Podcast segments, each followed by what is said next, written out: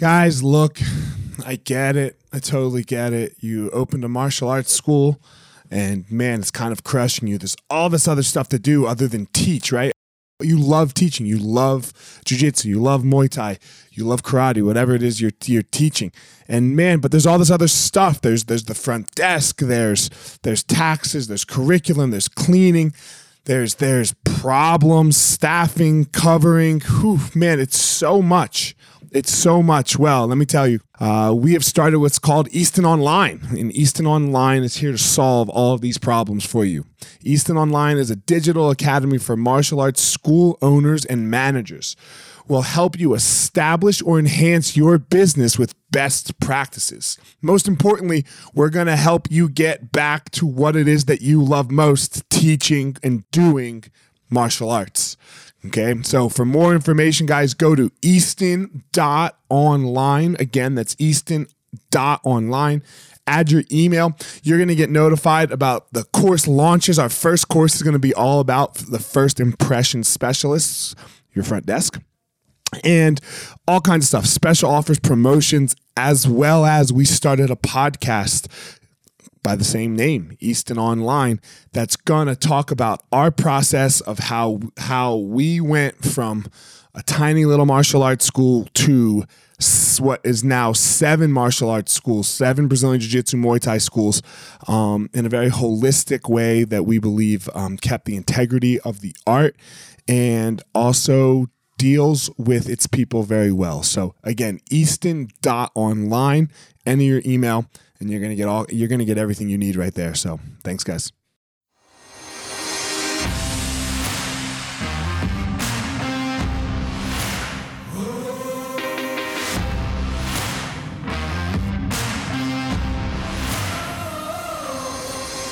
What's up, my ninjas? This is former UFC fighter Elliot Marshall, and this is the Gospel of Fire, where we are going to learn how to go into the fire so that we can find our power and live the best life possible.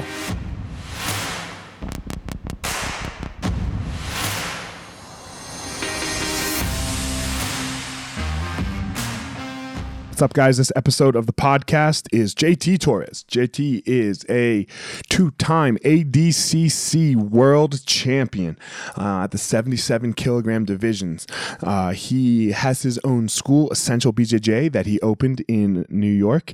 And man, I just felt like he'd be an amazing person to talk to because uh, active competitor and owner of his own school, dealing with this current coronavirus, and just an all around good dude. You know, I, I just enjoyed the conversation with JT. So here we go JT Torres.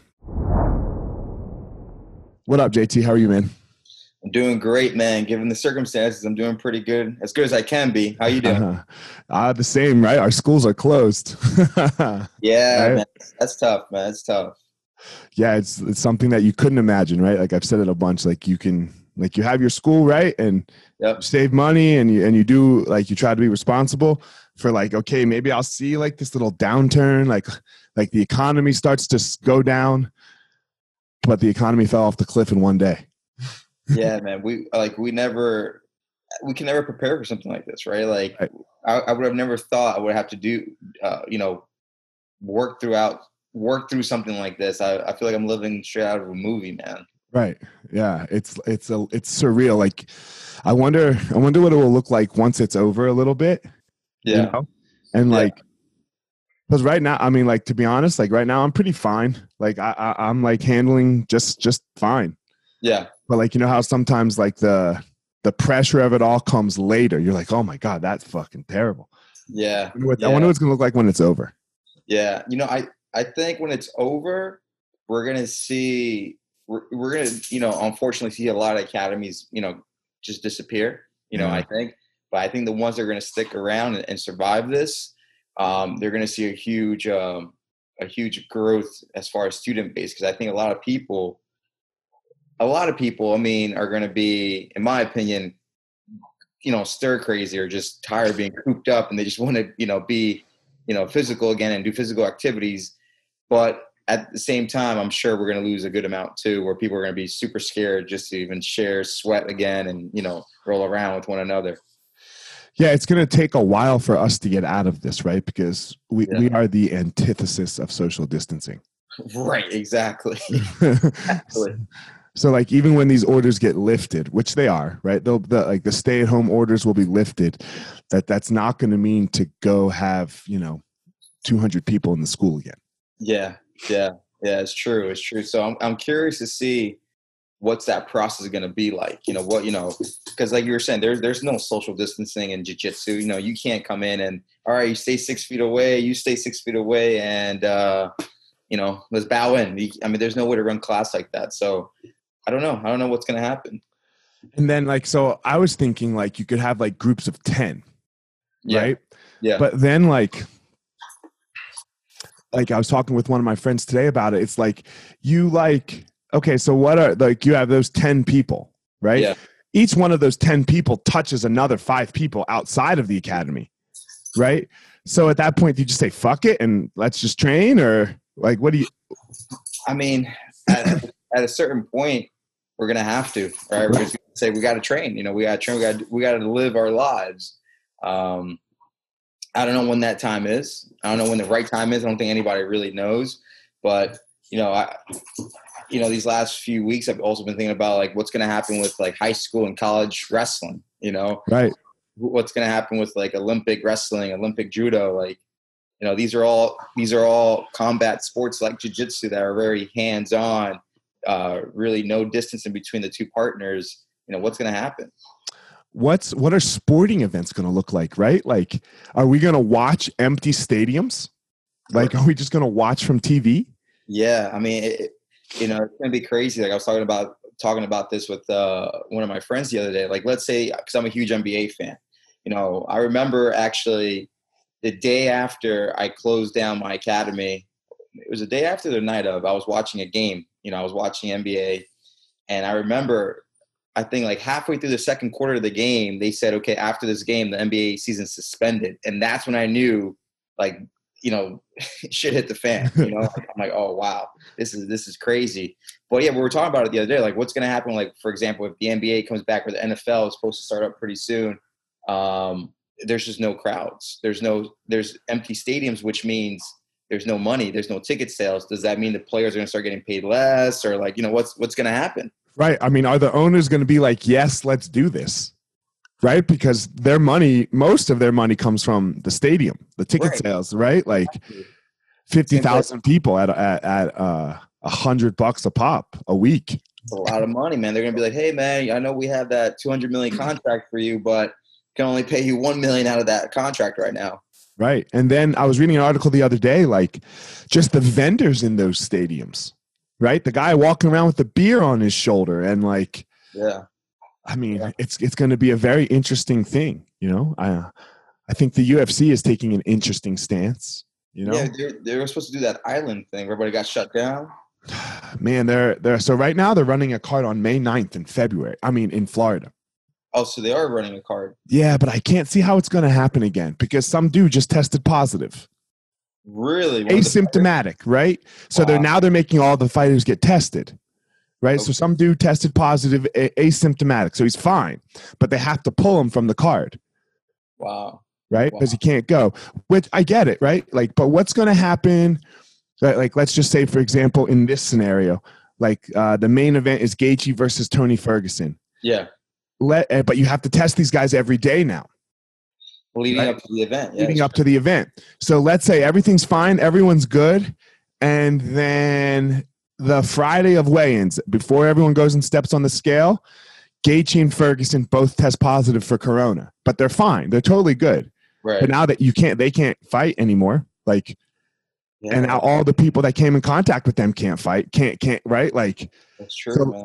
I, I don't under i don't see i mean they could they might pull one event off but or a couple but i can't see how this is gonna Yeah, I mean, it's it's gonna it's gonna it's gonna be some it's gonna be some sort of time. I don't know what how much how much of you know what amount of time we're gonna need, but until things get back to how we we uh, used to think is normal, or if there we'll go back to normal. I don't know. yeah of course well well, yeah we'll be back you know Yeah, It- it's it's so interesting like all, all of the different scenarios you know and, and then there's people just screaming like let me go back to work and it's like Yeah, people are protesting now. It's Yeah. like, in Minnesota or something. I see people without with, like assault rifles protesting, like I'm gonna go back, I want to be free or whatever.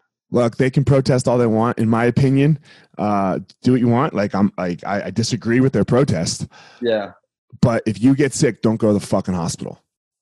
Yeah, right? Yeah. Like if, if Yeah. you want to protest and you want to go back to living your life how it was, that's that's cool. You should go ahead, but you you you get to die at home, right, right? right. right. Like that choice, right? Yeah, I hear you. no, on that one. Yeah, like you know, and maybe I'm just personal because my wife's a, nurse prac, you know.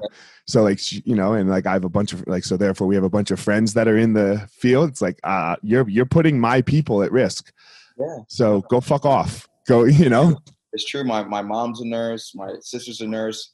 My dad works in the cath lab in a hospital, and you know they, you know, I communicate with them, and I'm, I've, of course I'm worried about them too. You know, I don't want them to get sick. They're around this stuff every day. Right. Um, and from what they've been telling me over the last few weeks, like this this this thing is real. You know, like this is this is real deal, a real deal problem that we have ahead of us. But um, they have I have, I have heard some good news from from my family and from you know I have students who are like police officers and they're you know they've told me that the numbers are starting to drop down.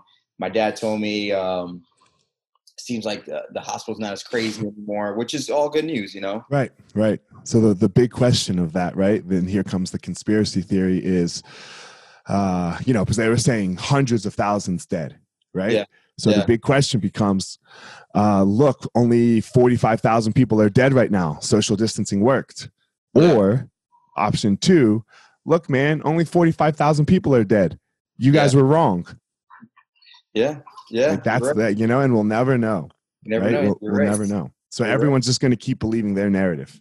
It's true. It's true, man. It's true. It's like we've, we've never dealt with something like this, you know. Right. But well, like you know, there's countries that are that haven't even done a lockdown. Like I think uh, Korea hasn't done a lockdown, right? Or I heard Sweden also hasn't done a lockdown. I could be wrong though. I could be wrong, but I'm curious to see how curious to see how they're handling it and how they're getting through it. I just think it's such a young disease that we don't know that it's so hard, right? Right. We just some it, it changes, like in everyone, and we're trying to. I shouldn't say young disease, new new virus. You know that we like getting the information. Like everyone's running out and getting antibody tests right now, Yeah. right? And it's like, yeah, like some some people are saying like yes, and some people are saying like yeah, we just don't know. Right. Right. It's the unknown, man, and the Yeah. unknown is always the most scariest thing. I think that's why jujitsu is so important. let's let, let's move off Corona, right? And and com, and the fight, right? Like the because the fight prepares you for the unknown. It's true, man. You know, It's true. It's true. It's true. That's why. Uh, that's why I named the academy Essential Jiu Jitsu, man. I have uh I have rules for my kids. You know, like Uh-huh. me and my kids. Like we have six rules, and rule number one is they have to do jujitsu. That's good. It's the most, you know, because I, I believe it answers every question that you need. It, it, will, it will take you through life really, really well. I, I believe so too, man. I think Jiu Jitsu helps you problem solve with every, you know, day to day, you know, daily operations in your life. Um, Jiu Jitsu is important, man. It, it, you know, being in an academy owner, you see so many people come in and use it as a stress reliever, use it as a tool to help them build confidence or lose weight, get healthier. Um, and same thing for the kids program, man. The kids program's the same thing. I see kids come in and you know they're different people within six months, you know, and different people in a good way. So uh, I like that rule that you have for your kids, man. You know, when I have kids one day, I'm, I'm gonna have that same rule where, you know, my thought is, you know, you guys have to train jiu-jitsu. You don't have to make it a, a career or Right. be a world champion, but you, I want you guys to all be black belts in jiu-jitsu one day. Right. Yeah. so I would love to be able to influence that so that they become black belts. But if they're living in my house, they're training. And you can't get a black belt under 18, right? Yeah. So they get Yeah. to do what they want to do afterwards, right? but if they're in my house, they're training. If I if I'm the one putting the food on the table. So Right. I like that rule, man. I like it. I like it. so yeah, and and like you said, right? I- It's important uh, that yeah, they don't have to be champions. You know, they don't. They don't have. They don't even have to compete. I could. I'm no. They have to. They have to try it. they don't have. They don't have to keep it up. You know. Right. Right. You know, and my one has. He's competed, he likes it, you know, but like I think competition is very good for people.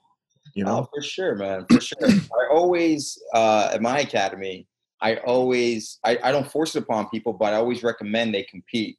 And the reason why I recommend competing, it's gonna give you a goal to work towards, right? So I'm a huge believer in having goals. So if you write down a goal like, hey, I'm doing this small tournament next weekend, or I'm doing a big tournament, whatever it is, you know, when you have that goal, your day to day operations are going to be based off that goal. So if you're competing, you're going to be like, you know what?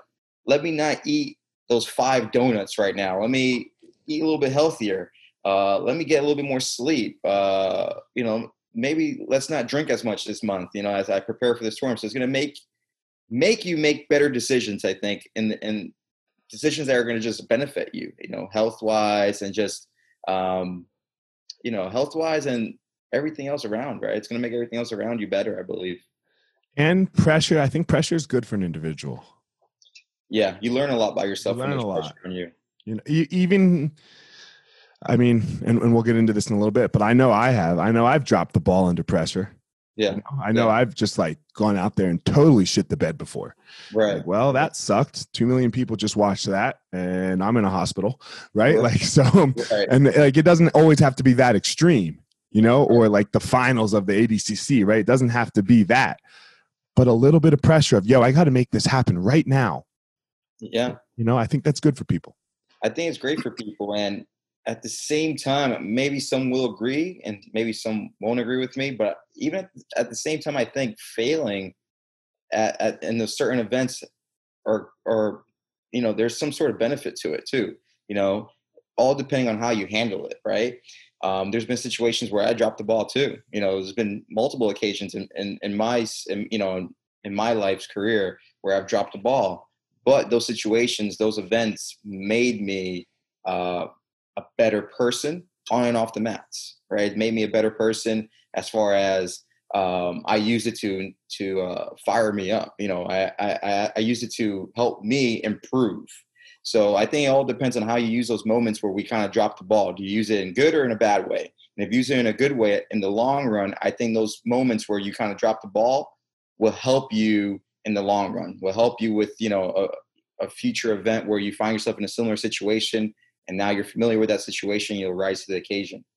I was talking to Hinger. Uh, I had him on, uh, I don't know, a couple weeks ago. Yeah. And he was like, Galvão really helped him with that. Yeah. right? Like he was like, he's like, because he used to just go for the submission all the time. He said, yeah, Yeah. and he's like, look, and which which would bring good success, Right. you know, because he was better than people. Right. But then when he got to someone who was evenly matched, it would cost him. So he had to learn from all of those failures. And he said Galvão was a, was a really great helper of that. Where did you learn that, right? Like to take your failures, uh, your droppings of the ball, as we're saying here, yeah. right? And like, and move them on. Like, how did you learn that skill? Because that, because everything's a learned skill, right? Like you just, you know, Everything, man. And I, I learned it early on. And I learned it early on because I got involved in martial arts early on. I remember I started martial arts when I was about 11 years old. I started off karate. And then soon after karate, uh, my parents signed me up for a mat club. So I was wrestling since I was 11, 12 years old. And wrestling is what really taught me that. I remember when I was wrestling as a kid, there was a tournament every weekend, man. I was wrestling every weekend. And um, I remember there was a few times where I got so frustrated, I wanted to quit. I lost. And my father was the one who always told me, hey, man, uh, we don't quit, we march forward. He goes, whatever, you know, take what went right and what went wrong from this situation and use it to force yourself to get better. And, um, you know, he's the one who really kind of put that in my mind at an early age. Like, there's no quit, man. There's no quit. You just get yourself back up, you dust yourself off, stop the tears, and you keep going. If you don't stop the tears, I'm gonna give you a reason to have some tears in your eyes. so uh, at an early age, man, martial arts, wrestling really instilled that in my brain, along with my father, never letting me quit. Because there was times where I wanted to quit. So I believe also having a solid role model in your life helps you do that. You know, someone that can guide you, a sensei or mentor, a professor, you know, whatever it may be. I think we always have someone that you know that's in our corner to push us. You know. yeah, give you a little bit of what you need, you know? Yeah. exactly. give you a little bit of what you need. I, I let my kids cry, but I don't let them cry in like on on the mat or on the court. Like it's Yeah. cool. Like I cry too, you Yeah. know. But Yeah. over there by yourself under the bleachers in the Oh, yeah. shower, Oh, you know, yeah. like go ahead, cry, cry all you want, you know. Oh but when, yeah. you, when you come back out here, there's no tears. yeah, I'm the same way. That's my mentality, man. There's been plenty of times where you know I take a loss, you know, stone cold face, and then I'm bawling in tears underneath the bleachers. You know, I've been there plenty of times myself, man. But I think that's the way it should be, man. You got to be, um, you know, not showing weakness, but you you always want to hold yourself up high and not show your opponent. No, don't give your opponent any more advantages. Yeah, and look, let them let them have their moment. Exactly. right? Like let them have their moment. Like when you're crying out there, you're starting to make that about you, in my opinion. Right? Like they won. They're, they're the winners. Like we've all been screwed. Like, you know, I believe there's times where I should have been on the first place stand on the podium and and I was on the second place stand and that hurts. But you still right. got to go stand on that podium. It's true. Right? Because that's the truth today. Today, that person's first and you're second. Fair, unfair, these things don't even fucking matter Yeah. you know Yeah. so it's it's a it's an you know it's uh it's it's their day so you you let them have their day It, it's true, man. I, I hate it when people start crying on the mats. Like, come on, you know, just let's move it on. You know, I know it sucks. I've been there. I know I know that feeling, but let's let's let's move on. the not getting off the mat thing right like that that in, in jiu-jitsu terms it drives look the decision's made like they're not going to change their mind Yeah, like Yeah. you're just fucking everybody else right now you, you know like playing the tournament now. yeah man nobody wants to be here till nine o'clock nobody right get the fuck off the mat it's true, man. It's true, and you know that's something. Now that I'm a professor, something now that you know I have students who who like to compete. I always tell them that you know, hey, shake hands. You know, you know, if you win, lose, shake hands and get off the mat. Let's move Right. it. Let's keep it moving. That's it. It's over. It's over. We'll, we'll, we'll, we can go talk to the head table. We can talk to the referees. We can do whatever we want. But when the decision's made, it's done. They- They're not changing it. Exactly, man. And and um, you know, we can't live in the past. We gotta move on right away, right away. Even Right. after even after a, a loss or even a victory, you guys are thinking about the next step already. You know, that's that's uh, that's how you improve. For sure. So you are a two-time ADCC champ now, right? Yeah. How many? uh, how many? How many two? How many multiple-time ADC? There's only got to be a handful of multiples, Um, right? Yeah, I think at, at 77 kilos, there's only Marcelo and Henzo who are multiple time champions. So that's some that's some elite company you have. Yeah, man, it's pretty cool. I didn't even know until the other until the other day when someone told me that, or I read it somewhere, and I said, "Wow, man, that's pretty crazy, man. I, I didn't know, I didn't know to the extent of what I've accomplished, you know. But um, you know, it's it's an honor to be mentioned with those names. That's for sure. Henzo has three, right? And I think Marcelo has two. Um, I think it's the the other way way? around. I think Marcelo has Marcelo has three. no, Marcelo has four, I believe. Okay. Four, and I think Mar- Henzo has two. I'm not completely sure, but something like that. Something. Okay. Um. So, what was the first one like? Uh, the fir- the first time I won. Yeah. So the first time I won, it was pretty crazy. it was such a wild experience, and and just the whole story leading up to that tournament was just crazy because, um, just a little backstory real quick. I remember around that time, that was the first tournament in, in, in a few years where I did the camp on my own because I had just left California, moved across the country back to New York, and I was working on opening my own academy. And I remember when I got the invite for that ADCC tournament, um, I didn't even have my academy open yet. It was still in the process of getting permits and and you know that whole that The whole city. yeah that that that whole terrible experience, you know. But um, I remember telling him, I said, "Man, do I even have do I even have a you know a legitimate chance of training correctly for this tournament? I don't know." How had you done previously? Like, For the for the training camps, no, like, uh, have you have you had you done ADCC before your first win? yes. So my first ADCC went all the way back to 2011. Okay. So uh, I fought 2011. I won my first match. I fought Clark Gracie first round, and then I lost to Leo Vieira second round. Um, that was 2011. 2013, um, I, I submitted my first round. I beat Lepri in the second round. And third round, I got arm locked by Kron. Then 2015, I got invited again Um, because 2013 I bron- I took the bronze, right? Right. I was actually supposed to fight uh, Leo Vieira, but then he got injured, so I got uh, third place. So and 15 was in China, right? 2013 was in China. 2015 was 15 in was in Brazil. Brazil. Okay. Brazil. 2015, I get invited again. Um, I had a good performance in 2013. So 2015, training for it, uh, doing the whole training camp for it, and I tore my meniscus. Like my whole knee was just just not working out well for me. I remember my leg was locking out. I could barely walk. It was just a pain, man. I God, couldn't. Had that shit for a year. It sucks, right? it- it's terrible. Like whenever I would try to use a butterfly hook, whenever my heel got close to my thigh or my butt, my leg would just freaking lock. Man, I couldn't. I couldn't then do you're anything. stuck, right? Yeah, yeah, yeah. You're stuck. stuck. So I remember talking to my, uh, you know, asking myself, how, you know, how can I even do anything? I can't even use The fucked up part is you're kind of fine other than that, right? Like you're training, it's good, and then all of a sudden this little, uh, and then you're like, ah, shit. Yeah, exactly, exactly. So I said, what am I doing? So I went and saw a doctor, and uh, he told me, he goes, hey man, you you, you need to fix your knee. Uh, obviously, he goes, if you go compete, you have uh, potential to make to do more damage to the knee. He goes, you may already have some ACL damage to your knee. I'm not sure until I go in there, but I'm just giving you the heads up right now. He goes, it would be stupid if you went and competed, right? So I made the really tough decision of pulling out of ADCC 2015, and I had to get knee surgery. So I did the knee surgery. It was out for like two, three months. But so no ACL. No ACL, thank God. So when we went in there, he says, "Hey, do you give me permission to fix your ACL if it is damaged?" I said, "Yeah, go for it." You know. So I remember laying in the, in the you know, about to get the surgery. I'm like, it could either be, you know, quick, you know, not too long of a recovery, or a whole, you know, almost year of recovery. Change So- my change my life kind of thing. yeah, exactly. So, you know, super happy it wasn't any ACL damage, but took me like two, three months to get back to training. And then 2017 came around. Uh, 2016, I moved back to New York, opening the academy, got the invite. Didn't even have the academy open yet, but accepted the invite anyways.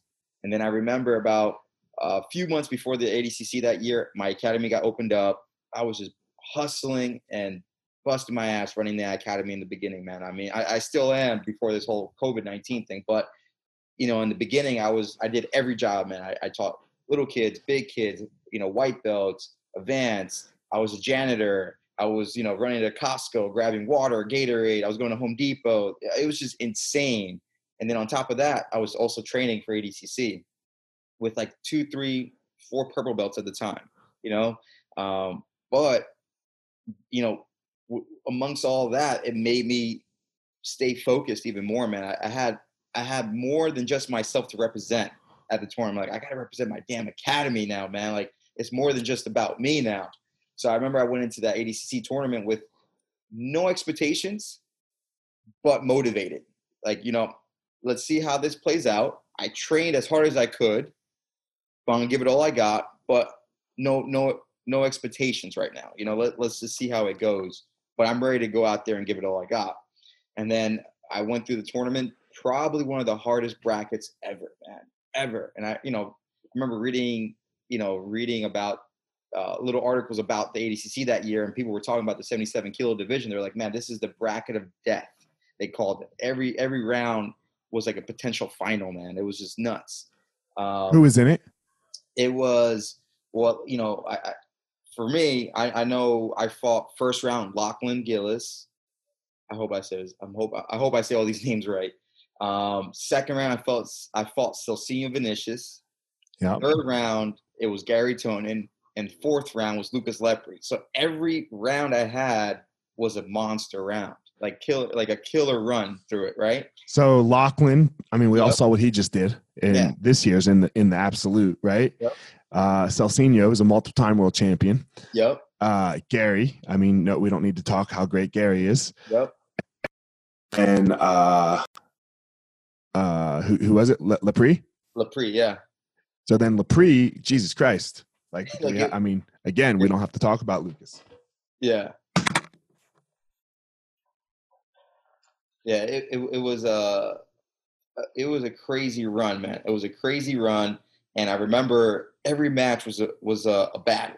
Was a battle, man. It was a, it was a definitely no easy matches, obviously, but I came out victorious, man. I remember, you know, getting out to Lepri's back and getting the two hooks in, and just knowing I just secured that big world title. And up to that point, I've always done really well in competition. I feel I've always uh, had a good following and built a good name for myself within the sport.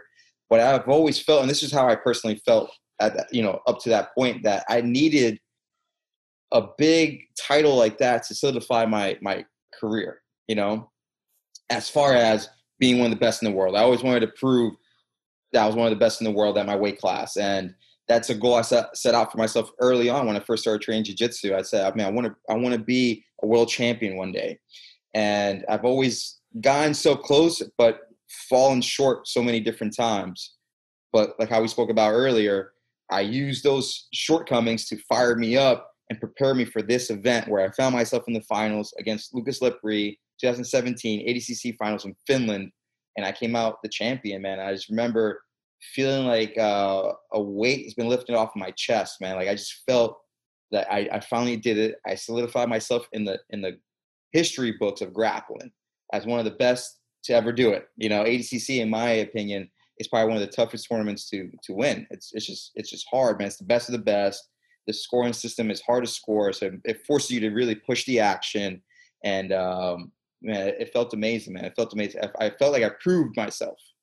Especially like with the scoring system, like you were saying, right? It's not easy. No. It's not easy to acquire points. It's different than every other way that that it's it's done. Um, you see guys like Nicky Rod who yeah. who got second this year, right? Yeah. And took uh you know, just uh because he's so hard to score on. Exactly. Right? He's a young freak athlete, uh decent enough at jiu-jitsu, good enough at jiu-jitsu where he can uh he can beat Cyborg and he can beat all these other multiple time world champions yeah. and have them not score. So you get thrown in there with these weird styles like that, you yeah. know? Yeah. Uh, and, and, look, this is nothing against Nicky Rod, right? I'm, I'm not trying to, to knock Nicky Rod, but like he fought Philippe, uh, he fought Kaynan Duarte a couple weeks later and Kaynan, Kaynan killed him in a sub only. Yeah. yeah. Right. Like it was, and because the rule set is different. Yeah. You know, true. you got, you know, so like, but in ADCC, that shit can throw you off for a match. It, it can, man. I mean, you know, half of the match there's no points. In the second half there is points. You can't pull guard. There's there's certain points where you can pull guard, where you can't pull guard. Like it, it you know, it forces you to fight, but also be aware of where you're at during the match as far as points and time on the clock, right? And go ahead, sorry. Uh, perfect example of that was back in 2011 when I first fought, first fought my first ADCC tournament where I lost to Leo Vieira. I lost to Leo Vieira on a negative point, and I didn't know why. I remember we were fighting. It was pretty close match, and then the match ended. I was expecting to go to overtime, and they raised his hand. I said, "What? What happened?" He goes, "Well, you pulled guard at the 5:45 mark. You know, so I pulled guard 45 seconds into the into uh, where points counted or something like that. And they don't necessarily always put it on the board. Oh, exactly. You know, you know. So it's not like like they'll be like, oh yeah, he pulled guard, and then there co- there goes the negative one, or like what happened with uh, Yuri Simões and Kaynan this year.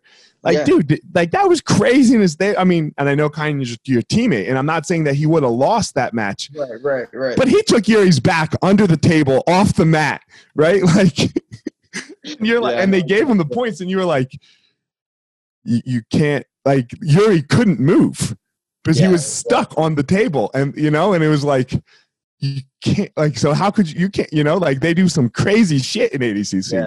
My my whole mindset for that kind of stuff is even when you're off the mats in ADCC, you have to keep fighting. Right. You can be on the freaking cement. You can be in the bleachers. You keep fighting until the referee says stop. And that's the mindset I have. You know, when right. I, compete, man, if we go to towards the edge, I'm I'm still fighting like we're in the middle of the mat. I know they need to change that, bro, because someone's gonna get fucking hurt. Sure. like Yuri got hurt, right? They paid for Yuri's surgery. Yeah, yeah. You know, they paid for Yuri's surgery. So like they, I mean, like the mats. I mean, there's got to be a boundary. Or imagine someone gets like suplexed or like double legged and dumped over their head off right off the mat. Because yeah. those two were going right in, in that match. One of them would have done it to the other one for sure, for sure. Man. Yeah, man. I mean, they they they were fucking going. So uh, in every other sport, there's a boundary, and and yeah. the boundary has to just exist. It's true, yeah. right? Like they, yeah, yeah, they someone's gonna get really fucking hurt. Yeah, yeah. and the mats are pretty big in ADCC too. Yeah. I mean the action just it's nonstop, man. It's got it's got there has like I mean there have been some sick football catches in the NFL out of bounds that just we don't even talk about because Sure. they, they don't count right so there's boundaries for a reason. Uh so anyway so then so you're you're I mean you solidify the world title which Yeah. must have been an amazing feeling Amazing. right? Now 19 no yeah when was it? 19 yeah 2019 comes uh and here we are like you are the returning champ. Yep. pressure no pressure? What, what, what was it? Less pressure or more pressure? Um, there was definitely pressure, but I would say it's probably I, I probably felt the same pressure I always feel for any big tournament coming up. To be honest with you, I didn't feel any extra pressure um, as a returning champ. You know, there was just that pressure there, that there always is leading up to a big tournament. so i mean another murderer's row right Yeah. Yeah, yeah, Like- but uh, what division isn't i mean I was probably the weakest competitor as the old man in the whole tournament, right? like I Oh, snuck you're always tough, man. Come on, man. Yeah, but I snuck in at the end. Uh, hold on, but but I mean, I mean, seriously though, right? Like, I mean, back in the like, I'm 40, so Great for 42, by the way, thank, man. thanks, man. Nice bald head, right? So, uh, but like for the most part, like every division is a murderer's row, Yeah, right? tough. Like you, if you win one match after you, for sure, after you win your first match, you could anybody else that's left could be the champion. I agree, man. I agree, and I, you know, I, might be biased, biased here, but I think, in my opinion, every division's tough. But I got to give it up to the 77 as the toughest. As you know, as far as being a perfect combination of speed, power, and technique. You know, I think it's just a perfect combo where it's fast, fast paced, technical, and there's still some strength involved in there. Yeah, and you guys' gas tank doesn't wane. Yeah, it Like- goes, goes, and goes. like the bigger guys like uh yeah like for sure like, There's like a lot of muscle carry on in those big divisions. right you get tired yeah you get way more like you know the oxygen just can't do it right Yeah. like uh Yeah. and you can see that in the matches the paces are different you Yeah, know well, I mean, some matches are like 20, 30 minutes, man. It's Right. nuts.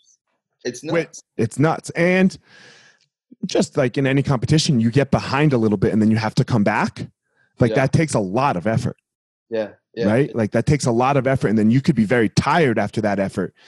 And it, you know, you have to train that very specifically. You you have to be doing that in training because normal training, like whatever, you pass my guard. What the fuck do I care, Right. right? Right. Right. But competition training is a different different gig. Where if you if they're just gonna ride you out here, Yeah. you, you have to take sometimes dumb risks. It, it, it's true, man. It's true. And, uh, you know, there, like I always say, there's never been a champion who's never who's never taken a crazy risk out there. I mean, you we all, you know, for for anyone who's ever, you know, won or been at the highest level, you know, there's always been a risk. I'm I'm sure you've taken risks too. You know, you know, over your years of competing, we've always taken we all have taken that big risk. You know. Right. Right. Yeah, you have to because fighting's a risk. Like It it, like you know, competing's a risk. You're gonna you're gonna find, and, and this goes back to our beginning of the conversation a little bit. You're gonna find yourself in situations of the unknown where you don't know how to handle. Right. Yeah. Like here we are, a coronavirus that we've never fucking seen before. Yeah. You know, like so you just uh I don't, I don't know. I I guess what what you just handle the moment is what Yeah. competing really teaches Yeah. right Yeah. and and i think we've all taken risks had that not go so well and then had to recover from that too Yeah. right this this like you learn how to take these different kind of risks where it's not just like we think a lot of people that don't understand pressure they just go ah fuck it all there everything there Yeah. like there is only 10 seconds left but Yeah. you got four minutes man Yeah. It's true. It's true, man. you But know? just just knowing how to handle that situation is is key, man. Because there's you know there's been times in the past where I've been in the finals of big tournaments and just being in the final, being in that moment freaked me out. You know, freaked me out. Um, I remember 2014, I made it to the finals of the Gi Worlds, and I fought Lepri in the finals. And up until that match, we've had plenty of other matches where I've actually beat him, submitted him. He's beat me too, but it's always been like close matches, right? But 2014, when we fought in the finals, he kicked my ass, man. Like 14 to 0, I think. Like just out positioned me the whole match. And I thought to myself, like, man, what the hell is that about? Like, we've had matches, you know, leading up to this point that have been really close, or you know, I've also beat him up to this point. Like, this is like he blew me out the water in this one, and I'm like, is it my? It's not my skill because I've competed against him before. I, I know I can, you know, beat him and and and uh, compete with him. Like, what is it? And it was just my mind, my mindset. I just I just wasn't ready for the pressure that that situation brought to me. You know, like leading up to the you know opening rounds, quarterfinals, uh, semifinals. I'm a beast. Boom, boom, boom, boom. But then as soon as they announced in the finals, Jonathan Torres, I was like, whoa. And that kind of just threw me off my game, you know? But, you know, I use that to learn from it. I'm like, okay, man, I got, you know, I got to get my mind ready for those situations where all eyes are on me. And, you know, over the years, I've just, you know, worked on my mindset and, you know, kind of envision the finals sometimes when I compete or when I, when I train for these tournaments, you know, I'll do mock uh, competitions at the academy where we'll circle everybody up and be like, all right, this is the finals, blah, blah, blah, blah, 90 seconds left. We got to score, you got to submit. So doing things like that helped me prepare for that moment. And, you know, I'm a huge basketball fan too. So I've always enjoyed watching guys like, you know, rest in peace, Kobe, but like watching guys like Kobe, Jordan, uh, LeBron, where it's the fourth quarter and there's 10 seconds left and they take the ball. Give me the, I see them, they go, give me the ball. Like that's the mindset that I like, man. Like, give me the ball. This is my time. We're, we're going to end this podcast with the last dance, okay? But we'll, we'll, we'll get there in a minute. but we're, we're not. I'm not ready to end yet. I think what you just did was so important. You you mentioned something, man, uh, with your loss to Lepri there. Um, you had to ask yourself what were the mistakes. Yeah. And then you had to say it wasn't anything physical. It was Yeah. my mind. Yeah. And I've been in and, and I guess I appreciate it a lot because, uh, and for one of my fights, uh, it was Louise Kane, Yeah. and I didn't. I had to take it on short notice. Yeah. I didn't. So I, I mean, I was not ready. You know, uh, I-. I, I, and, but whatever. you- Like when you, you know that going in, Right. you know, but I had never in my fucking life quit before in a fight. You know, like it, like it, like I quit. I full on fucking quit in that fight Yeah. But I wouldn't admit that. But I because I also got poked in the eye, and the ref didn't see it. Okay. Right, like I was here, I was sta- he was facing me, and the ref was behind him at this moment, and he reaches his hand out, and then the whole thing went dark. So I couldn't see shit, and then boom, I get hit because like he threw like a, a reach and cross, you know, Yeah. and then I go down and I can't see anything, and I wasn't that hurt, Yeah. but I was just like fuck it. I was like I just I'm, I was just waiting for the ref to stop it Yeah. You Yeah. know i was a little hurt but i wasn't i was you know but i quit Yeah. but i didn't admit that i Mhm. said it was an eye to myself i said it was an eye poke i said it was all these other things Right. and then come around my next fight you know like here i got another fight and i'm Yeah. fighting brandon vera and leading up to the fight i was fucking petrified like the day of the day before of you know the day like a couple days before because i was scared to quit again Wow. because I didn't address it. I wasn't like scared of like the fight. yeah. I was scared of like, yo, is that bitch gonna come out of me again? right. Right? Because I denied it. I lied to myself. Where you didn't lie to yourself, and that Yeah. you know, and it didn't come out. Like I, I had the greatest fight of my life actually, but Yeah. which was I had done a lot of mental work, I guess somehow anyway. So I got lu- lucky a little bit there that that like it, it worked out, but I didn't really prepare. But your preparation allowed you to now take that. you Yeah. know? And that's Yeah. a big thing. Like we don't like to say I'm mentally fucked up. You like to find these other real, real things. Yeah. You know? Yeah, yeah, it's true, man. Like we got to tackle on the truth head on, man. It's like when you see like the, you know, when the alcoholics have their meetings and they go, "Hey, my name is so so. I'm an alcoholic." Like that's the first step to fixing the problem. You got to admit you're wrong. You got to admit, you know, what's the problem and fix it. Because we can put it off. We're like, well, you know, I ate that bad burrito earlier that day. That threw me off. Like, no, man. Like, I just wasn't in the game mentally. You know. I was watching. I was watching No Más. Like my kid and I right now. Every night we watch like a thirty for thirty or something. Not not, not Yeah. every night, but most nights. Yeah. Uh, and we did. We watched the No Más one, the Roberto Duran, Sugar Ray Leonard one. Uh huh. Have you seen that one? I haven't seen it. I gotta watch Dude, he it. said it was coffee. He said he quit because he was having stomach cramps from coffee, from hot Wow. coffee after he cut weight. wow. And he still holds that to this day. That, you know, and it's like, dude, you don't quit. You're in a fucking fight. You don't quit because you're having some gas. yeah, yeah, yeah, yeah, yeah, man. I mean that that's uh that's what I think uh the true elite do, man. They admit, you know, head on, like, hey, man, this is this is the problem. I got to fix it. I got to fix it. Yeah, I got to fix it. And it, it, like I, so I, I mean, I think that was an amazing thing that you showed right there. Was just like it was nothing physical. Yeah, You know, it was nothing physical. Because like you said, you've beaten him and you've he's you know back and forth, right? You guys are yeah, you know, matches, yeah, close matches. You're you're you're rivals, and it's you know he's never going to get that. It's you're not fucking white belts or blue belts where it's like okay, he could just take off and get way far ahead of me. right, you right. know? Like man. So yeah it's got to be something else. Um so now that you're going into the second year here of your adcc what uh and i'll agree with you i think 77 is the best is, is the toughest. It's got it's got the most people that could really win. Yeah, you know? Um so what what was what was the run through this year in california like? Um, the run was, you know, uh, just as tough. You know, Right. it, I mean, every ADCC is just freaking tough, man. There's never an easy one, right?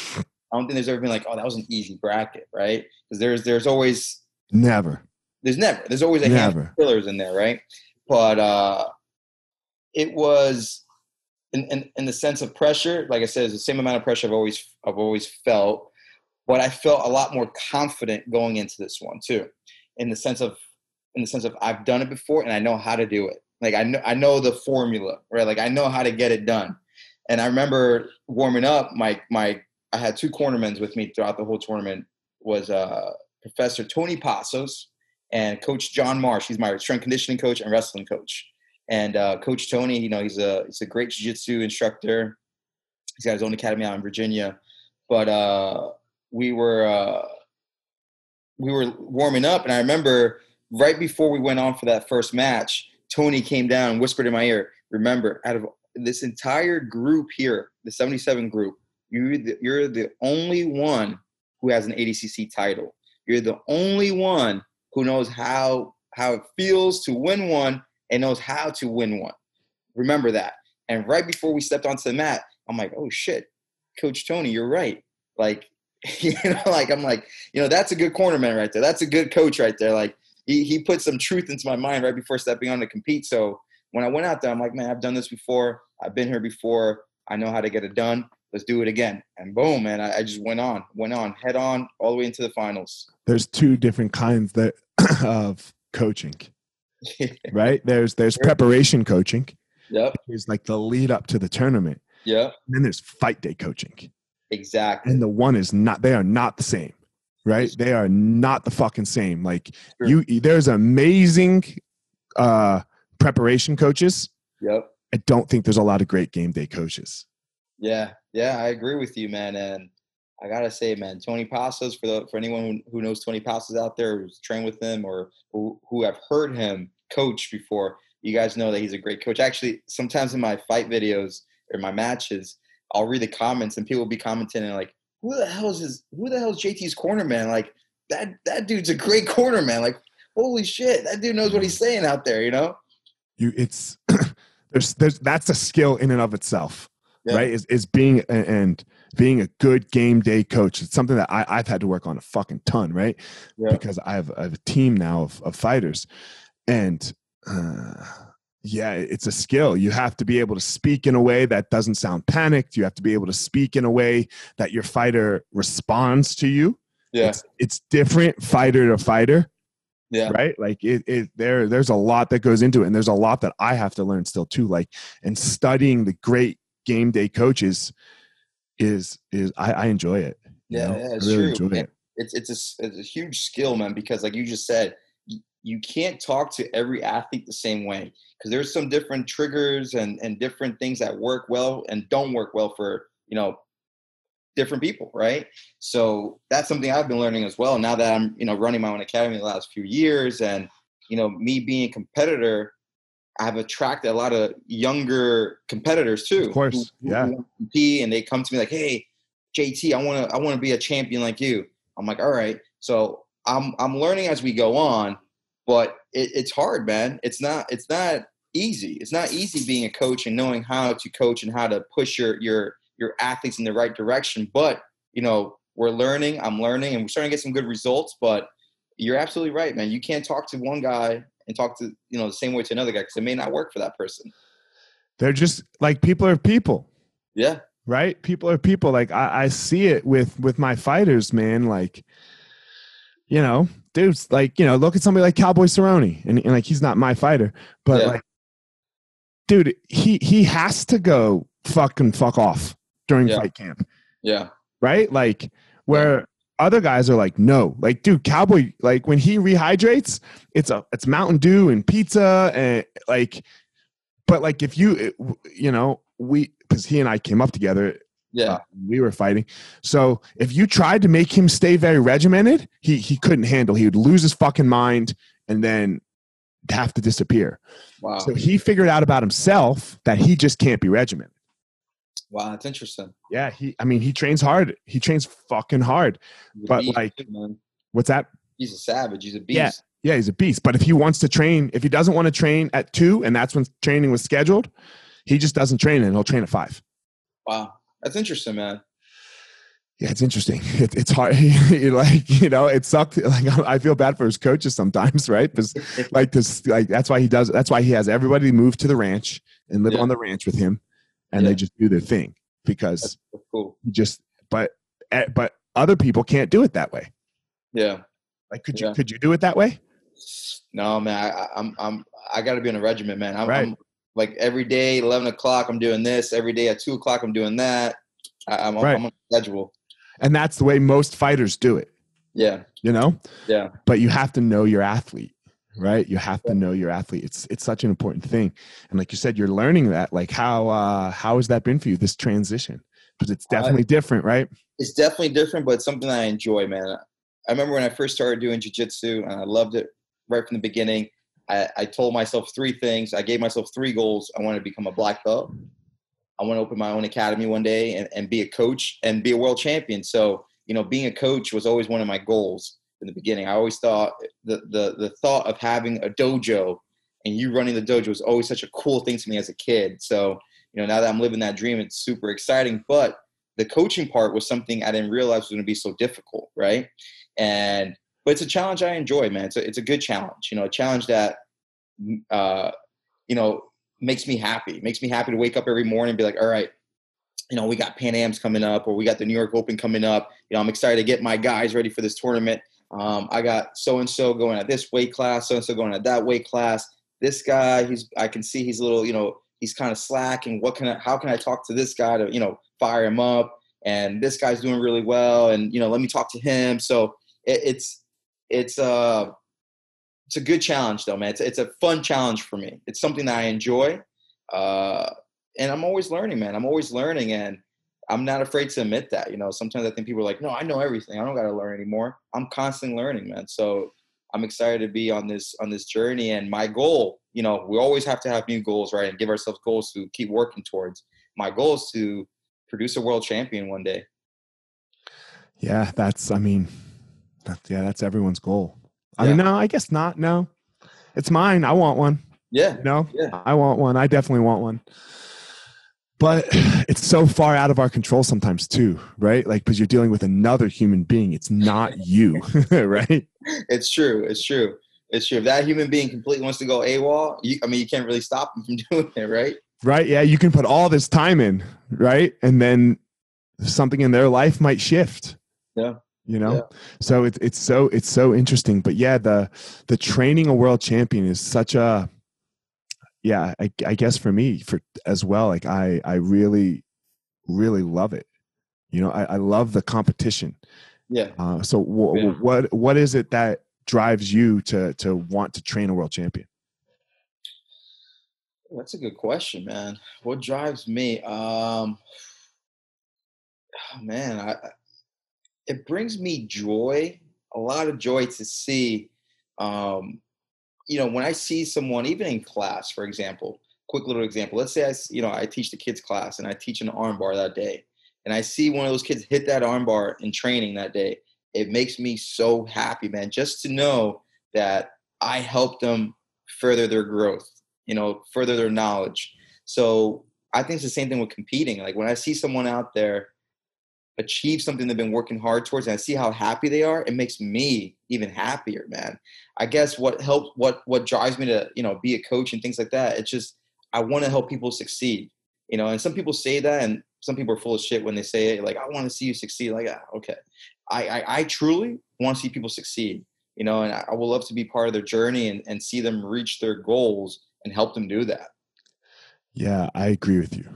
I, th- I think, and I think you, you, we're gonna tell, we're gonna see some things right now during Corona, like to, yeah. to, to wrap it all up, like, uh, with the types of schools that are and aren't going to make it.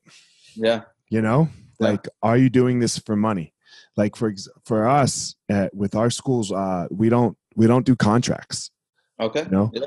we don't do contracts because I mean, like you sign a piece of paper that says you're going to pay, right? Because you have to sign that piece of paper for us yeah, to be yeah, able to charge your credit card. Yeah. But like if you want out, it's just a 30 day notice. Like That's you cool. give it, you know, you give a 30 day notice because the way I see it is it's my job to show up and teach the very, very best class possible. Yeah. And if I stop doing that, then you should leave me. Yeah. You you should leave me. It yeah. shouldn't be this piece of paper that you signed where you're like, fuck man, it's gonna be a thousand dollars for me to get out of this shit. Right? right? You know, and that's I don't want that person in my school. Like that's a cancer.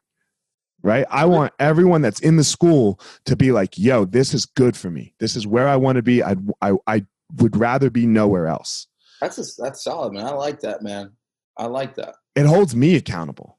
Yeah because like that's that. who's accountable. Yeah, you know, and and for us, our retention has gone way up. Amazing, man. Since we switched the because we used to do contracts. You know, every, yeah. every I mean, every martial arts school thing that you read says you have to do a contract. Yeah, yeah. You know, so we have a term right where. I guess it's hard to say it's not it's a contract, but it's just a. I mean, if you signed up for ten years and you paid month to month, you could always get out within thirty days. I got you. Yeah. You know, um, it, it's it's it holds me accountable to see it as it is my privilege that any student would show up.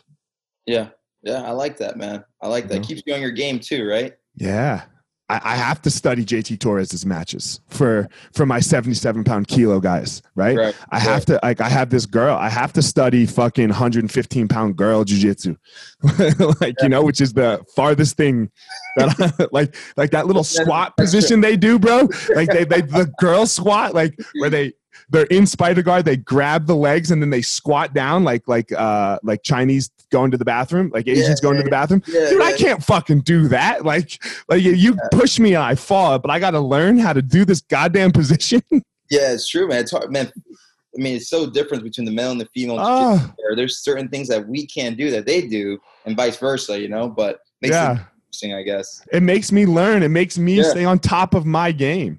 It's true. You know, so I, I really enjoy that aspect of being a teacher, uh, and really trying to help. And even the ones that have nothing to do want to do with competing, yeah. right? Like, there's something special about about that email that you get. Yeah. Right. And I'm sure you've gotten it. That email that you get where it's like, yo, man, I don't think you understand how much you changed my life. Yeah. Oh, yeah, man. It, it brings so much joy to me when I get those messages, those texts, those calls, those emails um, it means a lot to me, man. And it goes back to that point where it makes me so happy helping me or help me helping people achieve their goals or you know just helping them better themselves it, it brings me a lot of joy to do that and like you said even outside of competition man people just some people just want to you know build some confidence or earn a black belt one day or you know uh, lose lose 10 pounds 20 pounds whatever it may be and when they give me that that message like hey man you've done so much for me. I really appreciate you. That means a lot to me, man. It really does. And it keeps me going. Probably, I bet you in the long run, and it will be as much as your world titles. Yeah. You know, yeah. it will be as much as your world titles because, you know, at some point everyone will be forgotten. You know, yeah. but they, but there's yeah. that saying, right? You, you'll be forgotten when the last person whose life you changed stops talking about you. Yeah That's true. Right? So, That's true, man. all right, we got two more things to talk about, JT. First of all, coffee. Let's do it. Let's do it. I don't even remember how it started, but I remember at some point we started talking about coffee. Do, I mean, do you remember it? I don't remember Yeah. it. Because I was uh so I was coaching at Nogi Worlds and I remember being there all day. I'm like, man, I really need to get a coffee, but I don't want to run off because I have someone co- co- coming up real soon. And I remember right by like the referee table, like the main referee table, I guess, there was like um, a coffee station. I remember asking one of the workers behind the barricade, I'm like, hey, you know, can can I grab a cup of coffee? and they're like, sure. And they gave me a cup of coffee. And I think that's when you came up and you're like, hey, what kind of coffee you drinking? Or you know? Uh, yeah. My wife gets mad at me because uh uh so I'm not religious, but I'm a fucking evangelical. I'm an Okay. evangelical for whatever I'm doing. okay.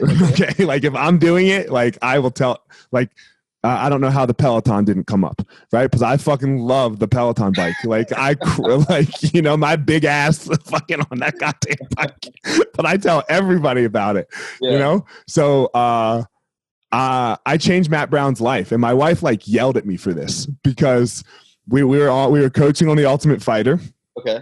and he used to like love Starbucks. And I'm like, Yeah. dude, like I'm not going to Starbucks anymore, bro. That is fucking shit coffee.